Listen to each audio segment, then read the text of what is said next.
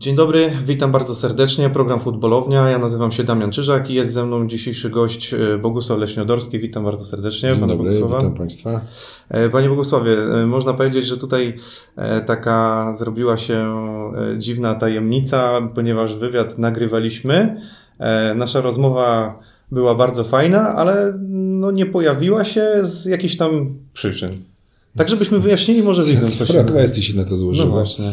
Eee, no ja nie zdążyłem do fryzjera pójść przede wszystkim przed, A. przed wywiadem. No, jak to...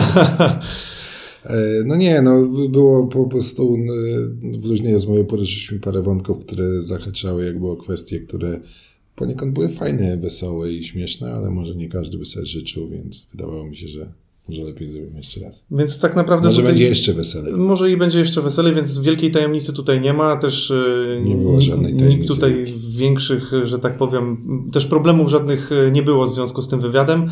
E, No ale wspólnie, jako że jestem tutaj osobą, która stara się wyjść e, naprzeciw moim gościom, no to staram się też podejść do tego profesjonalnie i w porządku, więc też zgodziłem się, żeby nagrać jeszcze raz. Dzięki. Powtórzymy pewne tematy. Spoko. E, Także może uda się wyciągnąć jeszcze coś więcej, może, może teraz ta rozmowa jeszcze bardziej się otworzy na niektóre kwestie i będziemy mogli sobie pociągnąć. Dobra, to ja zaczynam od początku, bo zawsze mnie ciekawi, żeby przedstawić gościom mojego gościa. E, tak od strony trochę prywatnej, e, od strony takiego początków jego i zanim pan w ogóle trafił do tej piłki, trafił do Legii Warszawa, e, to w ogóle też chciałbym poznać, co pan w ogóle robił przed, zakładając, że pewnie działa pan w biznesie. No, dziecka chodziłem do szkoły sportowej, więc byłem blisko tego sportu i tak się złożyło, że trenowaliśmy na Fortach Bema, które było, można powiedzieć, takim centrum życia sportowym Legii. Tych, to były czasy, kiedy CWKS skupiał wiele sekcji różnych, no właściwie wszystkich. Ja akurat trenowałem pięciobój i spędzaliśmy od dziecka bardzo dużo czasu na tych Fortach Bema i więc można powiedzieć, że zostaliśmy tam w duchu tej Legii wychowani i jakby nigdy nie było żadnych innych Eee, to było oczywiste, tak, że, że, że jak jest ten klub, piłką się tak interesowałem, jak się wszyscy interesowali, to znaczy piłka zawsze była najbardziej medialnym sportem. No tak. Eee, No później przyszły lata 90., tam zabierali nam tytuł, wygrywaliśmy Liga Mistrzów, różne rzeczy, więc wiadomo, to był też taki okres powiedzmy bardziej no taki pewnie najgorętszy w tamtych czasach, najwięcej było ciekawego. No i moi rodzice nie bardzo byli ok z tym, żebym ja później kontynuował w szkole sportowej swoje, swoją naukę, więc, no, więc przestałem trenować. E, poszedłem do liceum niesportowego, wyjechałem do Stanów, tam skończyłem szkołę. Wróciłem, poszedłem na prawo i zawsze gdzieś byłem blisko tego sportu. Jak założyliśmy kancelarię, no to zawsze było tak, że jak człowiek jest od dziecka w jakimś środowisku, no to naturalnie naturalnie się tak składa, że, że, że zna się tych ludzi i no różne to były czasy. Czasami więcej było tych sukcesów polskich, czasami mniej, ale zawsze byliśmy blisko tego sportu. No aż... A to chyba fajnie jest tak łączyć też trochę swój zawód, trochę sportu do tego dorzucać gdzieś, gdzieś żeby się to przenikało, no bo jest jakieś takie spełnienie. Takie rzeczy wydaje mi się, że wychodzą naturalnie. Każdy ma coś w sobie takiego. A faceci pewnie trochę bardziej, że chciałby wygrywać, chciałby być sportowcem, piłkarzem, później chciałby coś zrobić i no i to wszystko mi to też się przydarzyło. Mhm. No, pan jest takim powiedzmy postawnym facetem. Domyślam się, że sporty, które u pana dominowały, pewnie były tymi sportami siłowymi. No nie, różnie to Różnie bywało. było. Właściwie w pewnym momencie. A tych sportów było dużo pewnie. nie? Tak, na początku głównie trenowałem, na początku pływanie, później pięciobój, później bardzo dużo jeździłem na nartach, później jak byłem w Stanach, rzeczywiście grałem futbol amerykański. Pewnie gdybym mieszkał w Ameryce, to, e, to bym grał w hokej albo futbol amerykański, bo to były sporty, które mi najbardziej naturalnie, powiedzmy, leżały i wychodziły. No i tyle, no później już, jako że zawsze byłem blisko bardzo tego zawodowego sportu, jeździłem na olimpiady, na, e, na różne duże wydarzenia, no to jak było dziecka wiedziałem, jaka jest różnica pomiędzy sportem amatorskim, nawet na wysokim poziomie, a sportem profesjonalnym. W związku z tym, jakby umiałem tymi swoimi ambicjami zarządzać. Nie, nie, nie, nie przychodziło mi do głowy, jak jest teraz, że faceci w wieku, nie wiem, 40 czy 50 lat nagle rzucają wszystko i na przykład zostają nie triatlonistami czy maratończykami. I A w którym tak sporcie pan się najbardziej czuł z tych, z tych które pan uprawiał? Który był No taki- chyba najbardziej lubiłem jeździć na nartach, no bo był też taki moment, kiedy grałem w kosza, no różne rzeczy robiłem. Miałem powiedzmy dużo lepsze predyspozycje do startowania niż do trenowania, czyli dużo bardziej już lubiłem tą rywalizację niż ten żmudny okres przygotowań, więc nie zagrzałem nigdzie dużo miejsca. Mhm. Właśnie, czyli nie było jakiejś tam szansy, żeby pójść w coś bardziej mocniej. Na początku rodzice zdecydowali, a później już, tak jak mówię, no zdawałem sobie sprawę, gdzie są ci ludzie, którzy podchodzą zawodowo do czegoś, a gdzie jestem ja i A była właśnie ta alternatywa a propos sportu, no bo gdzieś ta fascynacja w młodości sportem, a później była ta e, jakby fascynacja może kwestią związaną z zawodem. Gdzie, gdzie pan to, kiedy pan to odnalazł, że, że poszedł właśnie w To jest trochę czy- tak, że biznes jest takim samym, można powiedzieć, sportem jak każdy inny, ale pieniądze, załóżmy, są metodą liczenia wyniku, tak, ale to w pewnym uproszczeniu, czyli można sobie jakby tą rywalizację, czy, czy nawet w prawie, czy właściwie w każdej dziedzinie życia jakby znaleźć i się realizować. Jak ktoś coś chce robić dobrze, to zawsze są tacy ludzie, z którymi można się, powiedzmy, porównywać i w jakimś sensie ścigać. Bo chodzi mi o to, że jakby takim spełnieniem dla człowieka wydaje mi się, że jest coś takiego, żeby robić to, co się przede wszystkim lubi robić i to, co kocha się robić. E, I dlatego też pytam po prostu. No ale dobrze kątem. też jest robić rzeczy, które się robi dobrze, bo największy Oczywiście. problem to jest taki, jak ktoś bardzo lubi coś robić, co mu nie wychodzi i no i brnie w to, no to jest w dłuższej perspektywie czasu często nieszczęście. Hmm. A pan był niesfornym dzieckiem dla rodziców? To były czasy, kiedy chodzenie do szkoły sportowej równało się z tym, że właściwie mało czasu bardzo albo bardzo mało się spędzało w domu. Myśmy na przykład pływanie, czy nawet pięcioboju pływanie mieli pierwszy trening o 6 rano bardzo daleko, więc spotykaliśmy się z kolegami w pierwszym autobusie, nie wiem, o 4.45, jak dzisiaj to pamiętam. E1 był taki autobus w Warszawie. Wracaliśmy późno do domu, więc e, powiedzmy w domu nie mieliśmy czasu być niesforni, ale w szkole tak. W szkole Bójki? nie, no wszystko, no jak, jak to dzieci w szkole, no to zupełnie inne czasy były. Powiedzmy, kilku nauczycieli rzuciło nauczanie. Aż tak. Tak, z naszą klasą ciężko było bardzo. Zresztą przyjaźnię się do dzisiaj jakby z tymi chłopakami, tak mi się życie ułożyło, że właściwie tą cała grupa moich przyjaciół, no to e, no i w jednej klasie byliśmy właściwie od dziecka się znamy. Mhm. No te przyjaźnie domyślam się, że przetrwały. To jest chyba Tak. duży też jakiś tam sukces, że przyjaźnie z tamtych lat to No tak i tak, to, tak było. dużą wartość. E, Ale trafił pan też do piłki. To, to nie było tak, że o panu było słychać wcześniej, że, że gdzieś tam ta piłka nożna się przewijała i tak dalej. Trochę, trochę tak można Bo ja byłem powiedzieć. kibicem Legii, a nie piłki nożnej. No- no Oczywiście jak właśnie. każdy kibicem kadry narodowej. Kibicowałem Legii, wiadomo, że się tam cieszyłem, jak wygrywaliśmy, martwiłem, jak przegrywaliśmy, ale ja nigdy nie byłem piłkarzem, nigdy nie funkcjonowałem w tym środowisku, w związku z tym to był, e, byłem, myślę, że takim klasycznym przykładem kibica. No. No dobra, no ale właśnie, no każdy kibic mówi, że zna się na piłce. Dziś, wie ja pan, jak, jest, znam, jak no. jest w Polsce. No właśnie, a zna się pan na piłce? Nie. A jak No to pan, za- nie było tego strachu wchodząc do, do No. piłki nożnej? Znaczy coś tam wiem, no człowiek jest, uczy się całe życie, umiera głupi, ale, ale na pewno jest tak, że każdego roku wiem więcej i na pewno coś tam rozumiem i pewnie mam, jestem jakiś tam sumą swojej wiedzy, doświadczeń i trochę w tym sporcie przeżyłem w piłce również, więc coś tam wiem, ale... No dzisiaj to już na pewno, ale, Ale dzisiaj dalej nie uważam, że jestem, powiedzmy, jest cała masa kwestii, gdzie, w których uważam, że są ludzie mądrzejsi ode mnie, którzy wiedzą więcej. Chyba cała sztuka polega na tym, żeby się otaczać takimi ludźmi, którzy wiedzą więcej. No ja zawsze się dobrze czułem w środowisku bardzo kompetytywnym i nie miałem żadnego problemu z tym, żeby funkcjonować z ludźmi, którzy byli w wielu kwestiach ode mnie lepsi. Ja nawet się cieszyłem z tego. To ja do tego wątku jeszcze y, przejdę, ale właśnie y, wkraczał Pan, że tak powiem, tak jak Pan mówi, z, z roli kibica trochę w świat piłki nożnej, przejmując e, razem z, z Dariuszem Mioduskim e, Nie, no znaczy to było zupełnie inaczej. Wanzel, no właśnie, Nie, nie, to znaczy ja wcześniej trafiłem do klubu jako prezes, nim w ogóle był pomysł jakiegokolwiek przejmowania klubu. To były czasy, kiedy klubem, e, właścicielem był koncern ITI, taką osobą tam najbardziej aktywną był Mariusz Walter i on w pewnym momencie jakby doszedł do ściany i ja należę do tej grupy sfrustrowanych ludzi, którzy po porażce z Lechią też już przestali wiedzieć, że cokolwiek się uda. On wtedy zrezygnował. E, Prezesem grupy był Wojciech Kostrzewa, zdecydował się być szefem Rady Nadzorczej i można powiedzieć, że jakoś wspólnie się dogadaliśmy i zostałem prezesem klubu.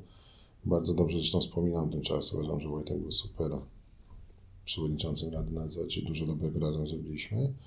Wygraliśmy wtedy to Mistrzostwo Polskie, wygraliśmy Puchar, zaczęliśmy grać w, Pucharach Europejskich i, i po roku tak naturalnie wyglądało tak, że oni nie chcieli dłużej już funkcjonować w piłce, a ta sytuacja była ze względu na przeszłość powiedzmy uciążliwa i wyszło na to, że najlepiej by było jakby zmienił właściciela. I, a że znałem się z Maćkiem bardzo wiele lat, pracowaliśmy razem, wtedy był zaangażowany w Lecha, no to też e, uważałem, że on będzie do tego przedsięwzięcia bardzo dobrym partnerem, co się, co życie potwierdziło. A powiedzmy Darek funkcjonował blisko poprzednich właścicieli, no i tak powiedzmy tak się zdarzyło. Bo, bo wy się znaliście, rozumiem, z, z, z panem Wandzlem wcześniej, no z tak, Dariuszem tak. Mioduskim niekoniecznie. No znaczy bardzo słabo, tam kilka bardzo razy słabo. rozmawialiśmy, no ale można powiedzieć, że tam zarówno przed czasem przed czasami klubu, jak i w tych pierwszych latach, no to ten kontakt mieliśmy bardzo sporadyczny. A nie było takiego strachu wejść, można powiedzieć, w branżę, której się tak nie zna dobrze ze sobą, którą też się wcale tak dobrze nie zna? Co, co zdecydowało? Znaczy, to jest tak, po pierwsze ja wcześniej, tak jak mówię, wcześniej byłem rok prezesem ponad klubu, nim pewne rzeczy w ogóle, e, nim doszło do zmiany właściciela i ja po pierwsze uważałem, że piłka nożna jest takim samym sportem jak każdy inny, a uważałem, że znam się na sporcie trochę uważałem, że rozumiem Legię i uważałem, że znam się na zarządzaniu i na grupą ludzi i, i tyle lat jakby byłem blisko tego sportu, że wydawało mi się, e, no, że jakby jestem w stanie zmienić to, co się działo, czyli że ten klub zacznie zarabiać pieniądze i wygrywać. No, później życie jakby weryfikowało pewne rzeczy, które mi się wydawały oczywiste, nie były takie oczywiste. No właśnie, no to niech pan pewne, powie... pewne, które się wydawały y, trudne, okazywały się łatwe, a inne odwrotnie, no dużo przygód. A kiedy było to pierwsze, tak, pierwsze zderzenie no, takie? Pierwszego dnia na pewno jest tak, że też powiedzmy w klubie nie było specjalnie wiele takich doświadczonych osób, szczególnie nazwijmy to, funkcjonującej kulturze wygrywania. Były to jakby inne czasy, więc właściwie wszyscy ci ludzie, którzy w tamtym czasie zostali, bardzo wiele zresztą zostało, bardzo mądrych i fajnych ludzi, a wielu przyszło nowych. Wszyscy się uczyliśmy od początku. Mhm. A pierwsze... Każdego dnia wstawaliśmy rano i się uczyliśmy nowych rzeczy. No. No jasne, jasne.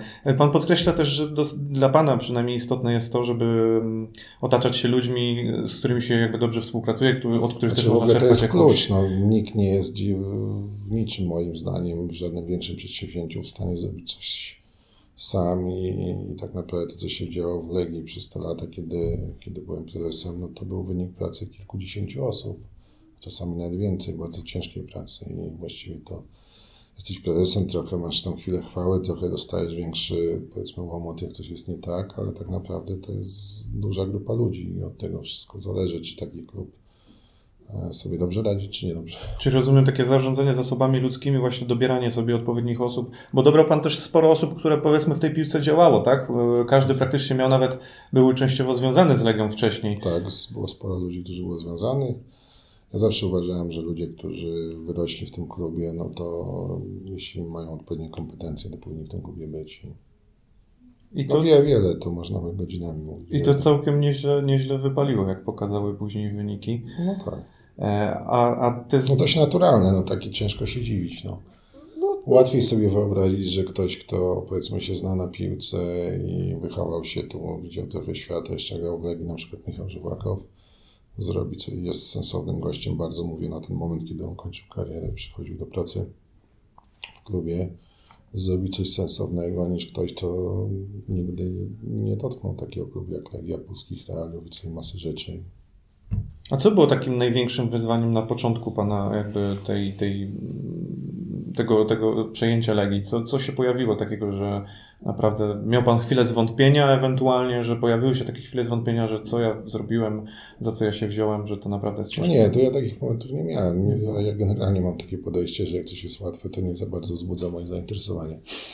więc, więc wiadomo było, że to jest trudne i cały czas było trudne i, i na pewno jakby taką podstawową kwestią, która była powiedzmy No wiadomo, na te lata i ten później rok 2012, to przegrane mistrzostwo, to nie było takiej, nazwijmy to, kultury wygrywania, więc to było pewnie jakimś tam podstawowym wyzwaniem i a co jakby wyszło naturalnie, bo ja zawsze uważałem, że ja zawsze powinien być mistrzem Polski, więc to nie, nie trzeba było do tego coś specjalnie tworzyć, więc jeśli było tak, że właściwie ci ludzie, z którymi funkcjonowaliśmy na co dzień i tak samo uważali, że zawsze powinniśmy wszystko wygrywać, no to to było proste. No. No, w tym zakresie, no, no, w zakresie celu. No. no. łatwo się mówi, że tak powiem, no bo że, że, że proste jest myślenie tylko tak naprawdę, ale sprawczość tego też trzeba dokonać w jakiś sposób no, w praktyce. No tak. No, Od samego ale, gadania się nic nie zmienia. Nie, prawda? oczywiście, no to jest wiadomo, że jest ciężka praca, ale gdzieś ten wspólny cel musi być e, no musi być wspólny cel i pełne przekonanie. No wiele ludzi opowiada różne rzeczy, ale tak naprawdę chyba je opowiada po to, żeby, bo im się wydaje, że inni chcą to usłyszeć, ale to jest co Wielu właścicieli klubów w Polsce, wie pan, opowiadało o planach związanych z Ligą Mistrzów, o, o, o wielkich planach naprawdę, a później no, rzeczywistość weryfikowała dobieranie zawodników, trenerów. Zresztą wy też się borykaliście z, z różnymi kwestiami no, z piłkarzami. Ja nawet mogę powiedzieć, że myśmy ze dwa razy to zatrudniali trenerów świadomie, po prostu chcąc się, głównym celem było się od nich czegoś nauczyć i, i tak, jakby tak było, no. Wiadomo, że... Mówimy o Bergu? I, no też, ale wiadomo, że było tak, sobie? że dość szybko jakby się wykrystalizowała grupa ludzi, dla których powiedzmy wygrywanie Mistrzostwa Polski, czyli trofeów na, na krajowym podwórku było dość oczywiste, więc to tam nie trzeba było jakby o tym specjalnie dużo rozmawiać. Właściwie było tylko pytanie jak i jak, jak szybko to zrobimy. No i dość szybko, powiedzmy po tym, po kilku miesiącach wiadomo było, że to jest tak, że tak naprawdę challenge'em i wyzwaniem jest granie w europejskich pucharach. No i zebraliśmy stragą lekcję w pierwszej edycji. Chyba pierwsze pięć meczów w ogóle przegraliśmy, dopiero ostatnie chyba wygraliśmy. Wiedzieliśmy, że chcemy to zrobić za rok lepiej. Za rok zresztą wygraliśmy później tą grupę Ligi Europy. No i tak, no i powiedzmy po roku zaczęliśmy myśleć o tym, że jakby, no, trzeba zagrać widzę mistrzów. No. Czyli rozumiem, że to był cel sam od początku praktycznie, jak, jak przejmowaliście klub, to celem była głównie Liga Mistrzów, bo rozumiem, że Mistrzostwo no Polskie no tak, nie było no później dla Was raczej... Później uważaliśmy, że jesteśmy blisko tego i że zrobimy drużynę, która zagra w finale Ligi Europy, tak? Jak już widzieliśmy, że do tej Ligi Mistrzów to wyjdziemy, to jest kwestia czasu. To już właściwie te ostatnie dwa lata, no to to wszystko się zaczęło od tego finału na Narodowym, jak Sevilla grała. To uważaliśmy, że no, tam druga drużyna, która nie, nie widzieliśmy żadnych podstaw, dlaczego miałaby być lepsza niż Legia i taki był cel. Czyli Liga Europejska w ciągu dwóch lat po Lidze Mistrzów.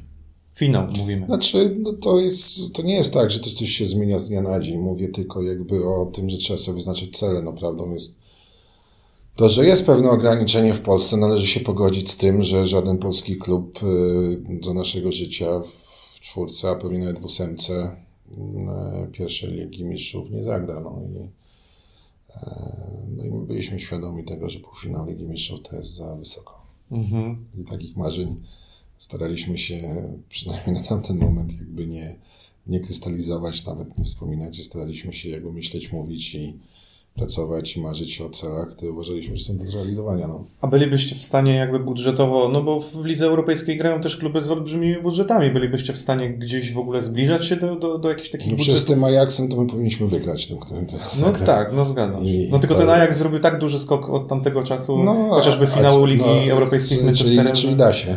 No da się. No właśnie. No.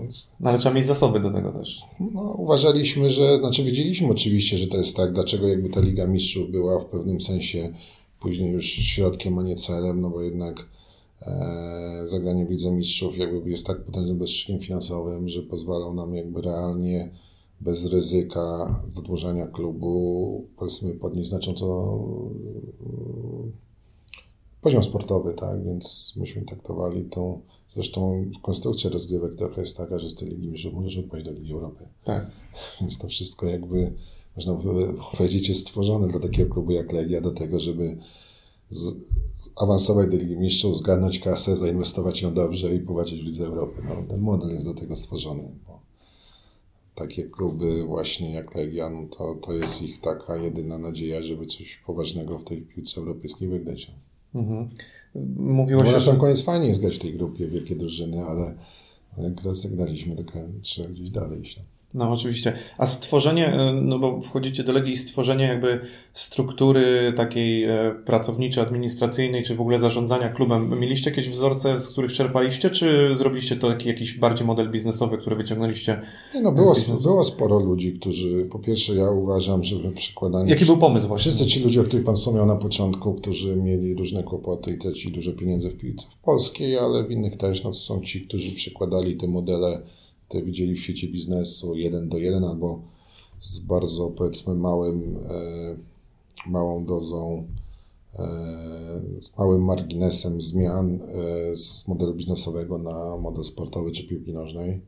Więc to jakby nie wymagało specjalnie wielkiej filozofii, żeby wiedzieć, że to nie jest tak, że po prostu my przeniesiemy model ze świata biznesu, więc nikt nie miał takich pomysłów.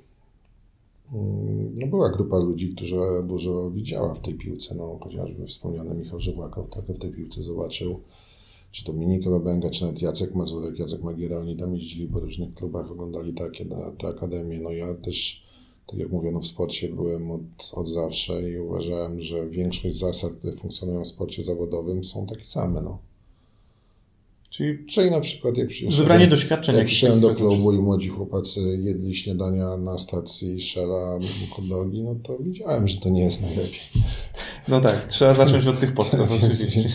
I, że trzeba trenować, że przygotować. No to nie jest aż tak bardzo skomplikowane w kontekście podstaw, więc myśmy startowali jakby z takiego poziomu, że łatwo było robić ten progres w pewnym momencie i to już nie jest tak śmiesznie, bo jak zaczynasz jakby konkurować z tymi, którzy pewne rzeczy wiedzą i mają od lat, no to to już jest to nie jest tak proste, no ale początki, w sensie robienie postępu na początku nie było aż tak bardzo trudne. Mhm. Ale wymagało bardzo ciężkiej pracy, no. Chciałem zapytać Pana o, może nie tyle o co o ubiór i, i styl ubierania się, ale przyznam szczerze, że jako, jako prezes dał się Pan poznać. Yy, prezes kojarzy się wiadomo, garnitur, yy, elegancko zawsze super ubrany. E, a u Pana dało się poznać też ten taki swobodny, luźny styl bycia. Mm, w sensie, że czasem Pan potrafił założyć bluzę Legii, e, na Twitterze takie, powiedzmy, czasem fajne, fajne tweety, takie zabawne, że miał Pan takie podejście i ta łączność z kibicami też Pana była trochę inna, na, na trochę innym polu. To, to mnie właśnie Czy... ciekawi, że miał Pan trochę inne takie podejście niż wszyscy prezesi, powiedzmy. Znaczy, moim zdaniem są, nie wiem czy wszyscy, ale moim zdaniem no piłka, ja sobie z tego akurat nie zdawałem sprawy, jest y, od środka jeszcze dużo bardziej powiedzmy medialna, czy dużo bardziej angażująca społeczność, czy to jest 100 osób, czy 100 tysięcy, czy milion, niż, niż e, nawet mi się to jakby mogło wydawać. No i właściwie są moim zdaniem dwie takie drogi, które, które, które ma sens jakby obrać, tak? To znaczy ja wiedziałem, że ja nie będę umiał funkcjonować w środowisku, które będzie jakoś sztucznie stworzone i później być w tym konsekwentny, e, bo znałem siebie, znam swoje silniejsze strony i słabsze i między innymi tą słabszą jest to, że jakby słaby jestem w graniu. I e, szczególnie w dłuższej perspektywie czasu, no więc wydaje mi się, że po prostu najsensowniejszym z mojej perspektywy było prostu no, jakby funkcjonowanie naturalnie, tak? I tyle. No, za to często się płaci karę jakąś, bo to jest tak, że nie wszystko się wszystkim podoba, ale generalnie wszystkim się nigdy nie jest tak, że się wszystko wszystkim podoba, więc, więc ja uważam, że zarówno ja, jak i ludzie w klubie powinni się jakby czuć naturalnie i czuć się komfortowo, więc uważałem, że mm, nie każdy robi jak uważa. No i tą granicą moim zdaniem jest to, że czasami rzeczywiście ubiór jest oznaką jakiegoś szacunku i generalnie trzeba mieć szacunek do wszystkich, więc czasami jest tak, że trzeba powiedzmy, nie wiem, są takie momenty jak finał Pucharu Polski czy inne, gdzie e, nie przyszłoby mi do głowy, że przyjść w bluzie, jak wszyscy przychodzą w garniturach. Nie, no, no Ale jak byłem gospodarzem u siebie na stadionie, no to uważałem, że mogę się tak czuć, jak uważałem to za... Jak u siebie w domu po tak, prostu. Tak. Dokładnie. Nie, no to jest, to jest dosyć ciekawe, bo to też tak trochę zmienia perspektywę. Czasem można powiedzieć, że to przybliża do kibica trochę, prawda? No, do jednych tak, a do tych, którzy chodzą na Zawsze będą ci, co pewnie nie. No pewnie, no, więc, oczywiście. Więc to jest, pewnie ma dwa końce. No, najważniejsze moim zdaniem, żeby być prawdziwym i konsekwentnym. No, są ludzie, którzy próbują zależnie od sytuacji, powiedzmy tam reagować. I, no i generalnie zaufanie jest bardzo trudno zbudować, a bardzo łatwo jest je zniszczyć, więc jeśli e, lepiej moim zdaniem zapłacić karę i ponieść konsekwencje bycia prawdziwym i szczerym niż, niż bycia niegodnym zaufania. No. no dobra, a propos tak za, tego zaufania, y, bo pytam o zaufanie ze strony kibiców. Y, po ITI było, było no dosyć dużo, można powiedzieć taka spalona droga była trochę. Ona nadszarpnięta mocno. Nadszarpnięta mocno. No i do, dodatkowym wyzwaniem dla Pana było trochę poukładać te kwestie z, z relacji z kibicami. Czy to było jakieś takie naprawdę bardzo trudne, porozumieć się z tymi kibicami w ogóle?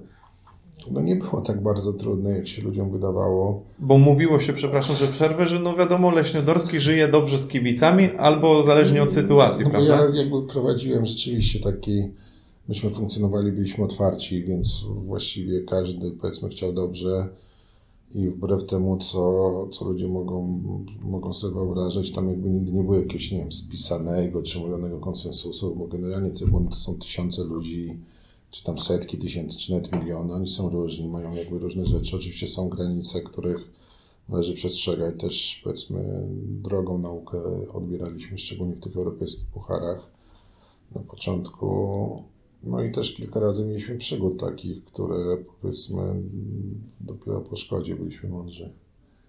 Więc oczywiście jest tak, że pewnie wszyscy się czuli komfortowo, no ale czasami to było tak, że nie wszyscy ludzie mają taką naturalną granicę. No jest to trudne. Było tak, że przychodzili do Pana jacyś wysłannicy, bądź też, nie wiem, mm, ludzie związani z kibicowskim środowiskiem, ale konkretnym, żeby porozmawiać o jakichś aspektach? No oczywiście jest tak, no przecież organizowanie życia klubu, trybun, nie wiem, całej masy rzeczy, wyjazdów, szczególnie zagranicznych, wymaga współpracy bardzo wielu osób, więc w wielu kwestiach tak było, no ale w klubie też była cała masa ludzi, którzy się tym zajmowało. No, to mniej więcej w tych, w tych e, czasach powstała taka instytucja SLO, czyli e, ludzi, którzy zajmowali się z ramienia klubu, powiedzmy, funkcjonowaniem. Szczególnie to dotyczyło wyjazdów, szczególnie za granicę. To jest bardzo skomplikowane, bo można powiedzieć, to co się tutaj dzieje w kraju, no to wszyscy mniej więcej tam znają, umieją. Legia sezon wcześniej trochę grała w pucharach, a też jakby nie miała takich doświadczeń. To się zbiegło z tym, że UEFA generalnie zaostrzyła kurs w kilku kwestiach. Więc na pewno było to trudne i na pewno się tego uczyliśmy i na pewno e, można było pewne rzeczy zrobić, powiedzmy to taniej. No, tych przygód kibicowskich było sporo Legii. No, Legia niestety słynęła z tych wyjazdów takich bardzo buntowniczych. A... Należy też pamiętać, że to wbrew temu, co ludzie sądzą, te wyjazdy i gra w europejskich pucharach ma swoją specyfikę, to znaczy jest bardzo wielu Polaków za granicą, szczególnie, nie wiem, czy na Wyspach Brytyjskich, czy w różnych miejscach, którzy e, no te, powiedzmy, wizyty polskich klubów traktują jako dodatkową atrakcję i moment do zabawy lub różnych innych rzeczy, więc to też jest tak, że to ma swoją specyfikę. To nie jest tak, że to jest jeden do jeden to samo środowisko.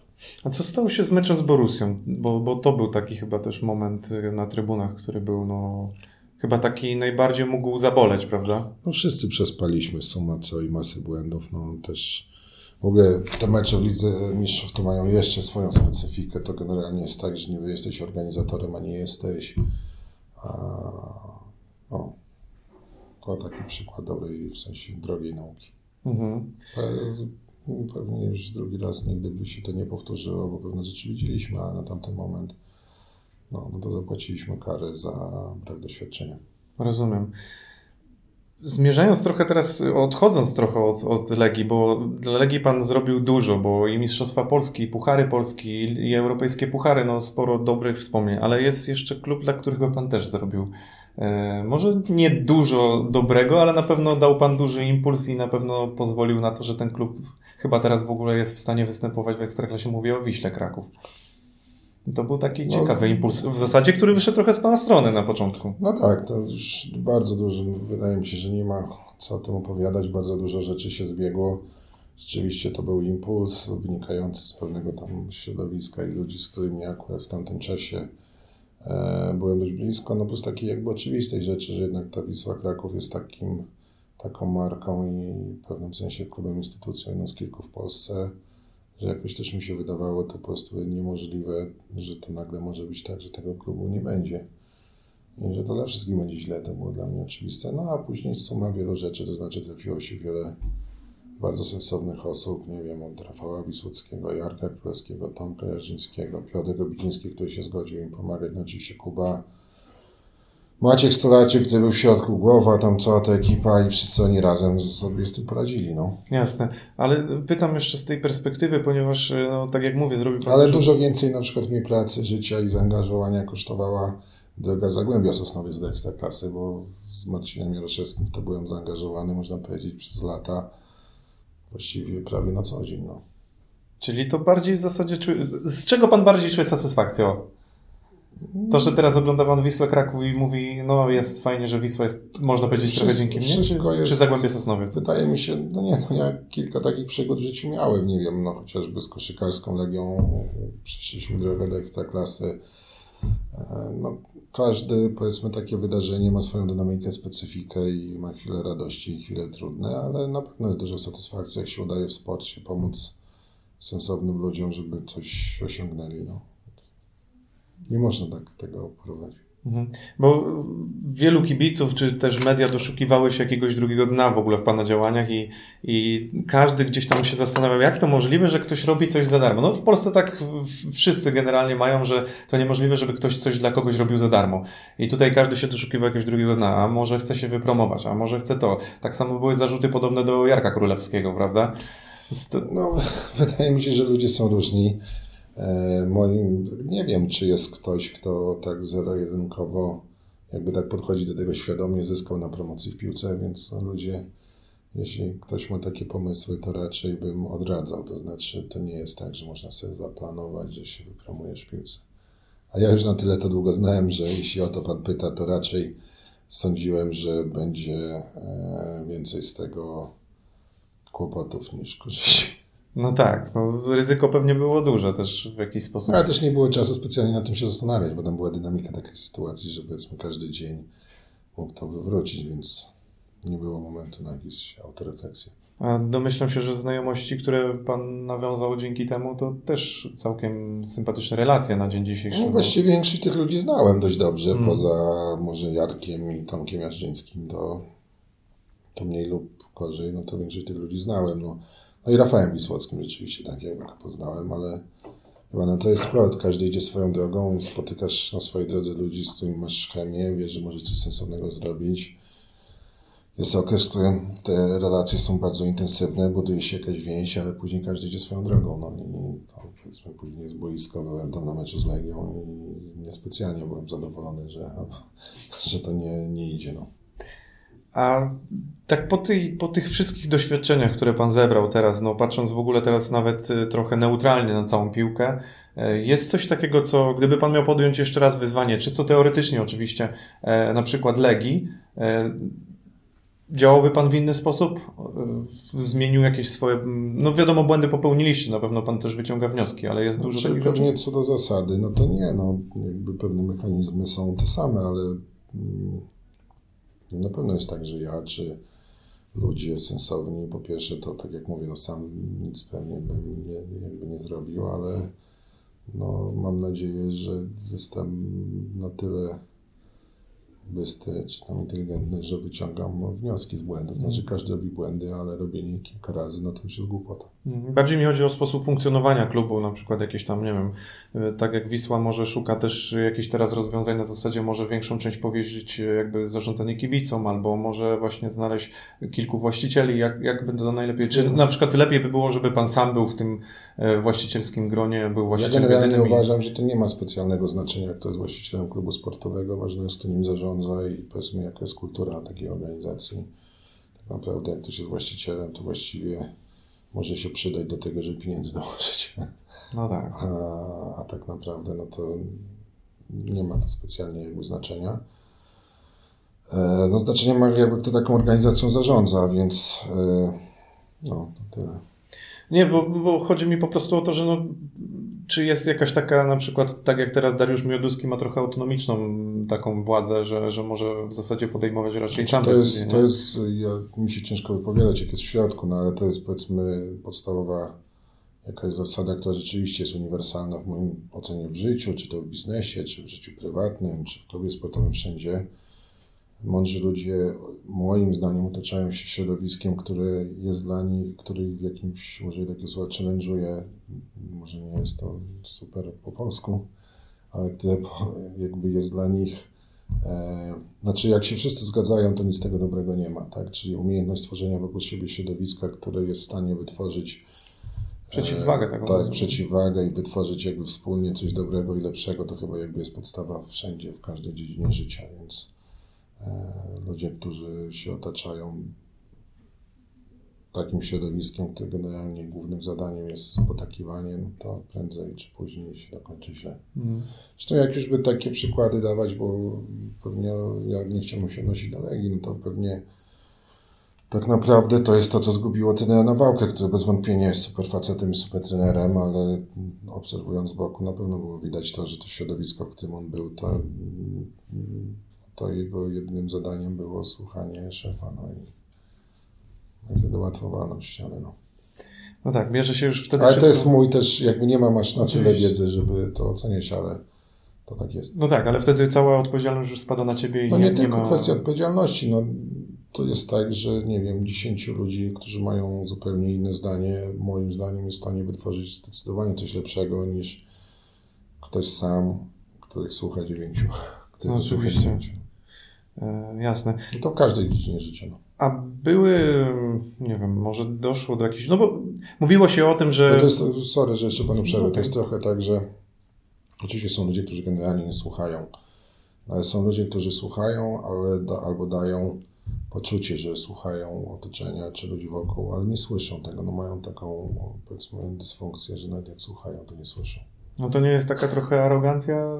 Trochę no pycha? może, może. No to, wie pan, w sporcie to jest bardzo... Ego wysokie, no. No tak, więc w sporcie generalnie zarządzanie tym ego, a w klubie piłkarskim to już w ogóle, no to jest jedna z najtrudniejszych rzeczywiście kwestii, bo tych ludzi, szczególnie byłych sportowców, no bo klub piłkarski łączy byłych sportowców, którzy jeszcze jak osiągali sukces, to mają bardzo wysokiego, albo tych, którym e, z różnych względów nie byli sportowcami, ale chcieliby nimi być i chcą się jakby mierzyć i no, coś, coś zrobić. No i jak się zbierze ta mieszanka, no to tego jest bardzo dużo i zarządzanie tym jest wyjątkowo trudne. Mieszanka wybuchowa, można powiedzieć. No tak, no ale umiejętne znowu animowanie tych relacji powoduje, że może być z tego coś dobrego. No dzisiaj trenerzy mają w dzisiejszych czasach duże wyzwanie tym zarządzaniem ego. Mówi się, że to jest chyba ważniejsze niż sama umiejętność prowadzenia drużyny. Mówimy o piłkarzach, prawda? No, w dużych klubach czy w Legii to na pewno tak. Olbrzymie wyzwanie.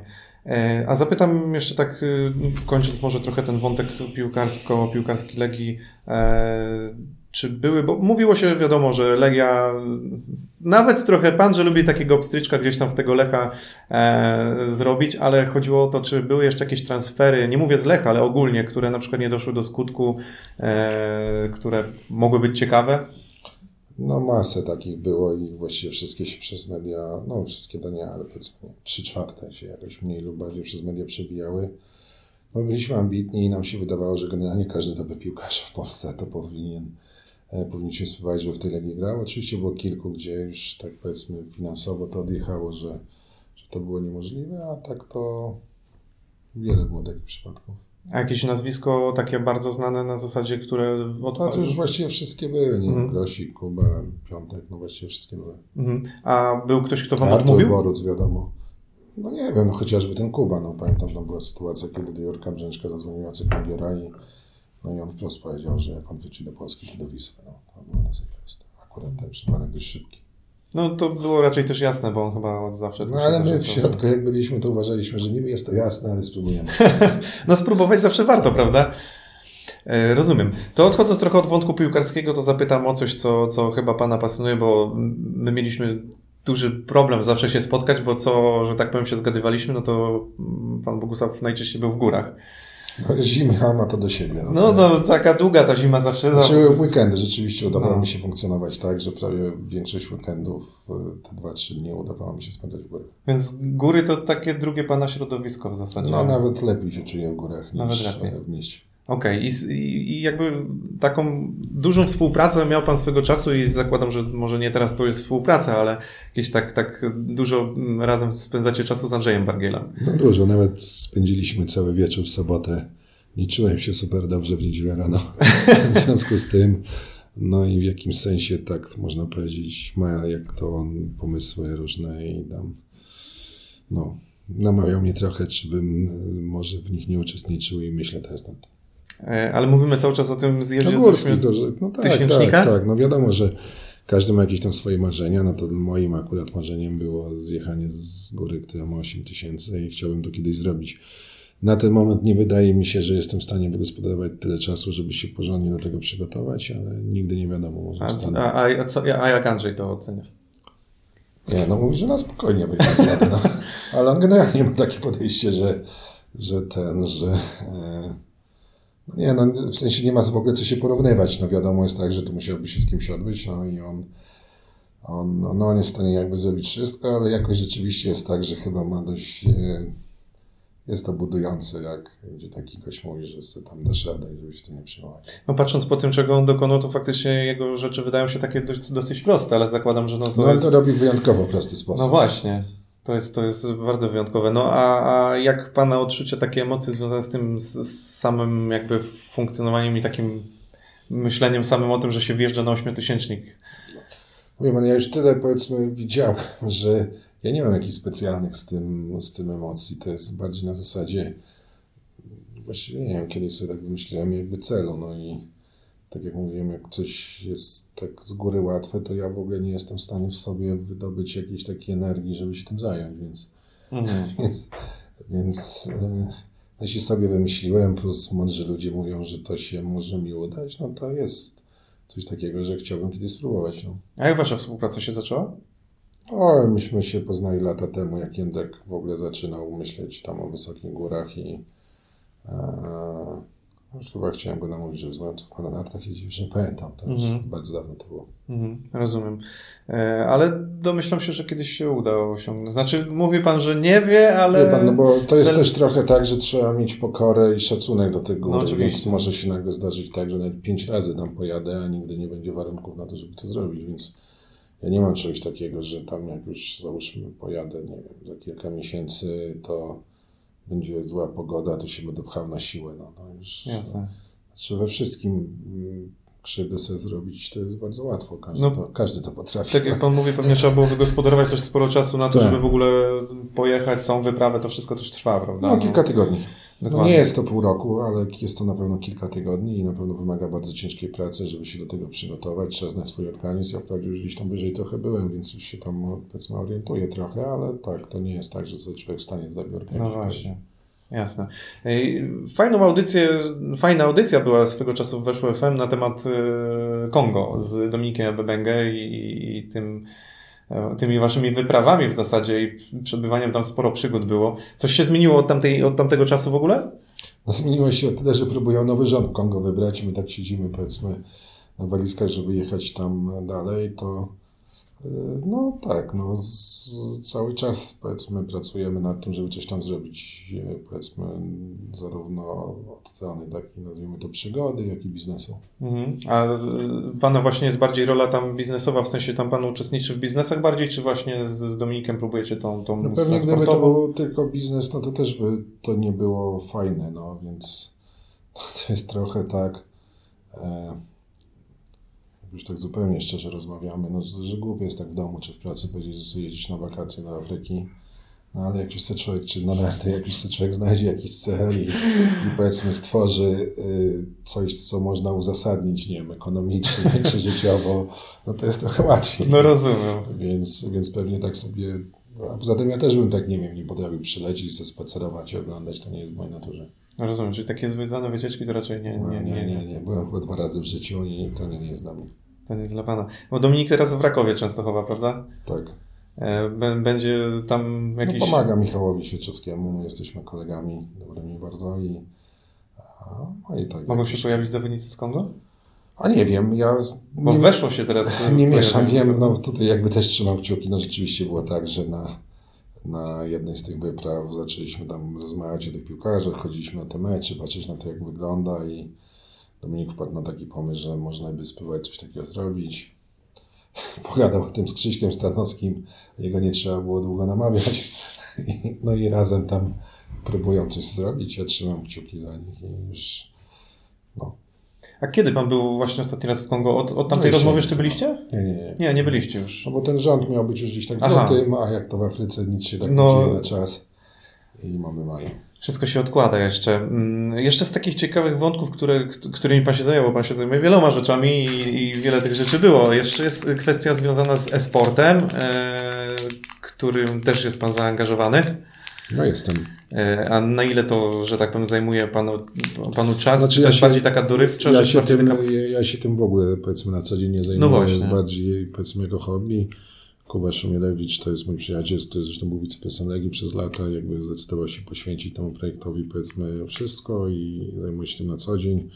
Mamy wspólników i no i oni walczą, no to co poza całym tym zjawiskiem i, i tym wszystkim, co jest związane z tym, w jakim kierunku się świat rozwija i co się wokół w ogóle nas dzieje, no to y, pewnie nie ma tutaj dużo tam ściemniać. Jakby jest tak, że to jest bardzo kompetytywne y, i ma bardzo dużą wagę społeczną i nie wiem, tam nie tak dawno nawet y, te mecze czy finały różnych tam rozgrywek sportowych to ogląda więcej ludzi, nie wiem, niż finał NBA. E, Jest dużo pieniędzy, co powoduje, że jeszcze więcej, jeszcze trudniej jest osiągnąć ten wynik, a można się powiedzmy ścigać z najlepszymi na świecie, no więc jakby tutaj fajnie byłoby zostać takim mistrzem świata. No. Ligi Mistrzów polski klub raczej nie wygra, ale liczę, że takiego majora na przykład CSA, e, polska organizacja, czyli nasza kiedyś wygra. Mówiliśmy tutaj o Kongo, mówiliśmy e, o, o kwestii związanej właśnie z e, grami, e-sportem, e, ale jest jeszcze jedna rzecz taka związana z internetem, e, grupa Abstra. E, Tutaj też jakiś tam Pana udział jest. Domyślam się, że e, Można bloga że- Pan nie będzie zakładał Nie, nie, nie. No właśnie, to są różne pomysły. Uważam, że brakuje treści takiej biznesowo-prawniczej, ciekawej w internecie. Trochę nie mam na to czasu. Ale rzeczywiście jest tak, że można e, od tam lat, jeszcze jak byliśmy w klubie, bardzo Oleg Wandza zdecydował się skończyć karierę piłkarza, znaczy życie za niego zdecydowało, a było są, która wyjątkowo miała powiedzmy otwarty umysł i odziedziczył geny biznesowe. Zaczął bardzo się tym zajmować, co się tam na świecie dzieje i można powiedzieć, zarówno jeśli chodzi o e-sport, jak i YouTube, to e, nabywał tej wiedzy, nabywał kompetencji i powiedzmy tak się złożyło, że trafili do nas ci chłopaki, którzy byli na takim rozstaju, to znaczy coś tam robili, ale nie bardzo umieli to e, jakby zrobić z tego funkcjonujące sprawnie przedsiębiorstwo. No, no i też tak powiedzmy trochę spontanicznie podjęliśmy decyzję, a Olek zdecydował się w to zaangażować i, no i właściwie ta organizacja bardzo urosła, to już jest zupełnie co innego niż tam było te półtora roku temu. Bardzo dobrze im idzie, trzymam za nich kciuki i walczą, no. Rozumiem. Ale to nie jest tak, że te wszystkie rzeczy gdzieś tam mm, Panu spędzają w ten spokój. Raczej są one Nie, takie dodatkowym nie, gdzieś Pana udziałem, ale Nie, nie, nie, nie. No nie, no nie, nie, nie miałbym czasu, poza tym no ja- właśnie dlatego się... Ja generalnie uważam, że rola takich ludzi, powiedzmy jak ja w takim przedsięwzięciu jest taka, że jeśli Olek potrzebuje pomocy, to podnosi telefon i do mnie dzwoni, ja mu pomagam.